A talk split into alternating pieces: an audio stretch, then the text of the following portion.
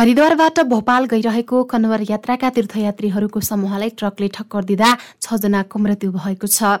आज बिहान उत्तर प्रदेशको हाथरस जिल्लामा तीव्र गतिमा हुइकिएको ट्रकले ठक्कर दिँदा उनीहरूको ज्यान गएको स्थानीय प्रहरीले जनाएको छ। घटना आज बिहान भएको हो। पाँचजनाको घटनास्थलमा र अर्का एकजनाको उपचारको क्रममा अस्पतालमा मृत्यु भएको हो।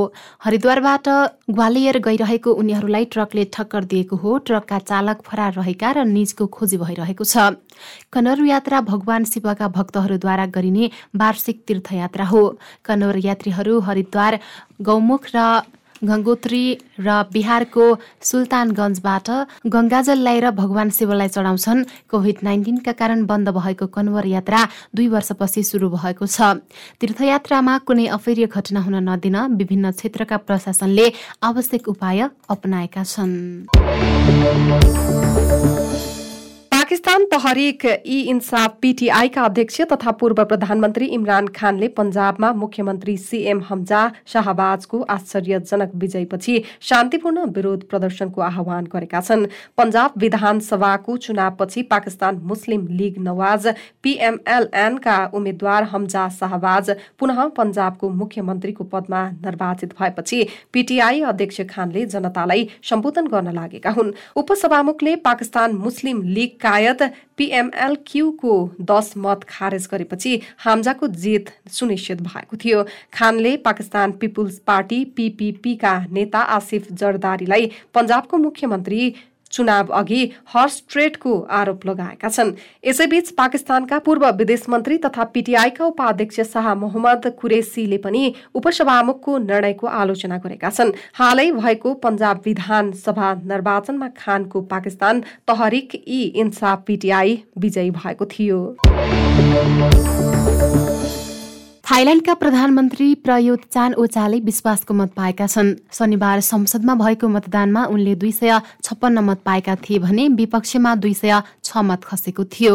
अविश्वासको प्रस्तावमा विपक्षी दलले प्रधानमन्त्रीसँगै निशाना बनाएका दसजना मन्त्री परिषदका सदस्यहरूको पद पनि जोगिएको छ। रुस र युक्रेनले खाद्यान्न निर्यात सुचारू गर्ने सहमति गरेका छन्। दुई पक्षका प्रतिनिधिहरूबीच टर्कीको स्थानबुलमा भएको छलफलमा कृष्ण सागरमा रहेको युक्रेनी बन्दरगाहबाट खाद्यान्न निर्यात पुनः सुचारू गर्ने सहमति भएको हो।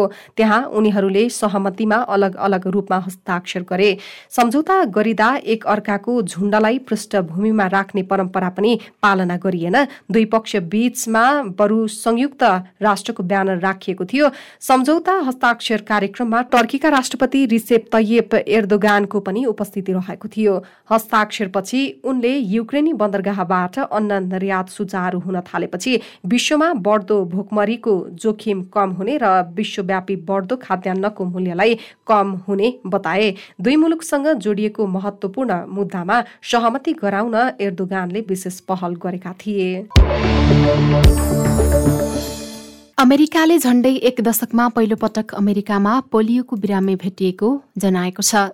न्युयोर्कको स्वास्थ्य विभागले म्यानह्याटनबाट अडचालिस किलोमिटर उत्तरमा रहेको रकल्यान्ड काउन्टीमा बस्ने एक व्यक्तिमा यो रोग भेटिएको परीक्षणपछि पुष्टि गरेको हो।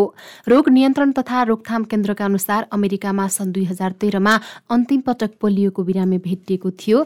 अधिकारीहरूले स्वास्थ्य कर्मीहरूलाई थप घटनाहरूको प्रतीक्षा गर्न चेतावनी दिए र खोप नलगाएका इलाकाका मानिसहरूलाई पोलियो खोपको मात्रा लिन आग्रह गरेका छन्। न्युयोर्कको स्वास्थ्य विभागले भनेको छ यसले संकेत गर्छ कि यो भाइरस अमेरिका बाहिरको कुनै स्थानमा उत्पन्न भएको हुन सक्छ जहाँ ओपिभी दिइन्छ किनकि निष्क्रिय खोपबाट उल्टो तनाव उत्पन्न हुन सक्दैन। अमेरिकामा सन् उन्नाइस सय अठासीपछि पोलियोको संख्या उनान्सय प्रतिशतले घटेको छ। सन् उन्नाइस सय अठासीमा एक सय पच्चिसवटा देशमा पोलियो फैलिएको थियो भने विश्वभरि तीन लाख पचास हजार बिरामीको संख्या रेकर्ड गरिएको थियो। संयुक्त राज्य अमेरिकामा सन् उन्नाइस सय पचास दशकको अन्ततिर र उन्नाइस सय साठी दशकको सुरुतिर खोप विकास भएपछि पोलियोको नाटकीय ढंगमा कमी आएको थियो। युक्रेन र रसियाले टर्की र राष्ट्रसङ्घसँग खाद्यान्नको निर्यातमा ऐतिहासिक सम्झौता गरेपछि युक्रेनका राष्ट्रपति भोलोदिमिर जेलेन्स्कीले युक्रेनसँग दस अर्ब डलरको अनाज बिक्रीमा रहेको बताएका छन्।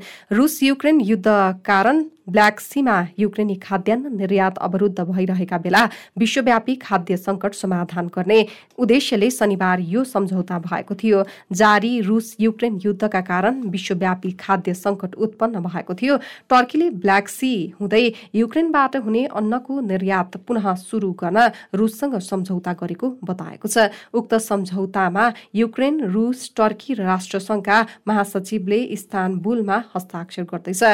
सम्झौतामा हस्ताक्षर गर्न रुसी र युक्रेनी समूह इस्तानबुल पुगिसकेका छन्। युक्रेनले रुससँग प्रत्यक्ष ढङ्गले सम्झौतामा हस्ताक्षर गर्न अस्वीकार गरेका छन्। यसको सट्टा दुवै देशहरूले मिरर सम्झौतामा हस्ताक्षर गर्नेछन्। श्रीलङ्कामा सुरक्षा बलहरूले राजधानीको मुख्य सरकार विरोधी प्रदर्शन शिविरमा छापा मारेर प्रदर्शनकारीहरूलाई गिरफ्तार गर्नुका साथै पालहरू भत्काएका छन्। सयौं सेना र प्रहरी कोलम्बोमा राष्ट्रपति कार्यालय बाहिर बसेका प्रदर्शनकारीमाथि जाई लागेका हुन्। दुई घाइतेसहित नौजनालाई प्रहरीले पक्राउ गरेको छ। प्रहरीले घटनालाई राष्ट्रपति सचिवालयको नियन्त्रण फिर्ता लिने विशेष अभियान भनेको छ। प्रहरी कार्यवाहीमा एक संचारकर्मी पनि घाइते भएका छन्। पूर्व राष्ट्रपति गोटाबाय राजापाक्से गत सातादै छाडेपछि रनिल विक्रमासिंहेले बिहिबार राष्ट्रपति पदको शपथ लिएका थिए। छ पटक प्रधानमन्त्री भइसकेका विक्रमासिंहे जनतामाझ अलोकप्रिय व्यक्तिको रूपमा हेरिन्छन्। उनले प्रदर्शनकारी विरूद्ध कडा कार्यवाही गर्ने प्रतिबद्धता जनाएका छन्। विक्रमासिंहेले बिहिबार राष्ट्रपतिको शपथ लिएपछि विरोध प्रदर्शन मत्थर भएको छ। राष्ट्रपतिलाई देशलाई आर्थिक संकटबाट बाहिर निकाल्ने मौका दिने प्रदर्शनकारीहरूले बताएका छन्।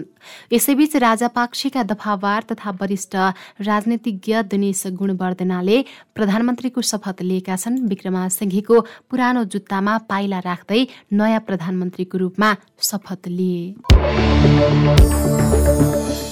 र जापानले सेप्टेम्बर सत्ताइसमा पूर्व प्रधानमन्त्री सिन्जो आबेको सम्मानमा राष्ट्रिय अन्त्येष्टि कार्यक्रम गर्ने भएको छ। सरकारले शुक्रबार यस्तो घोषणा गरेको हो। उक्त अन्त्येष्टिमा विदेशी नेताहरू सहभागी हुने अपेक्षा गरिएको छ। यो समारोह टोकियोको निप्पोन बुडोकानमा आयोजना गरिनेछ। सरकारी प्रवक्ता हिरोकाजु मात्सुनोले जापानको सबैभन्दा लामो समयसम्म सेवा गर्ने प्रधानमन्त्रीको रूपमा आबेको रेकर्ड उनका प्रशंसनीय उपलब्धिहरू र विदेशी नेताहरू सँगको उनको सम्बन्धले राष्ट्रिय अन्त्येष्टि उपयुक्त बनाएको बताए। उनले थपे हामी अन्त्येष्टि समारोहमा सहभागिताका लागि विशिष्ट विदेशी पाहुनाहरूलाई पनि स्वीकार गर्नेछौ। हामीसँग कूटनीतिक सम्बन्ध भएका देशहरूलाई यसबारे विस्तृत जानकारी दिइनेछ।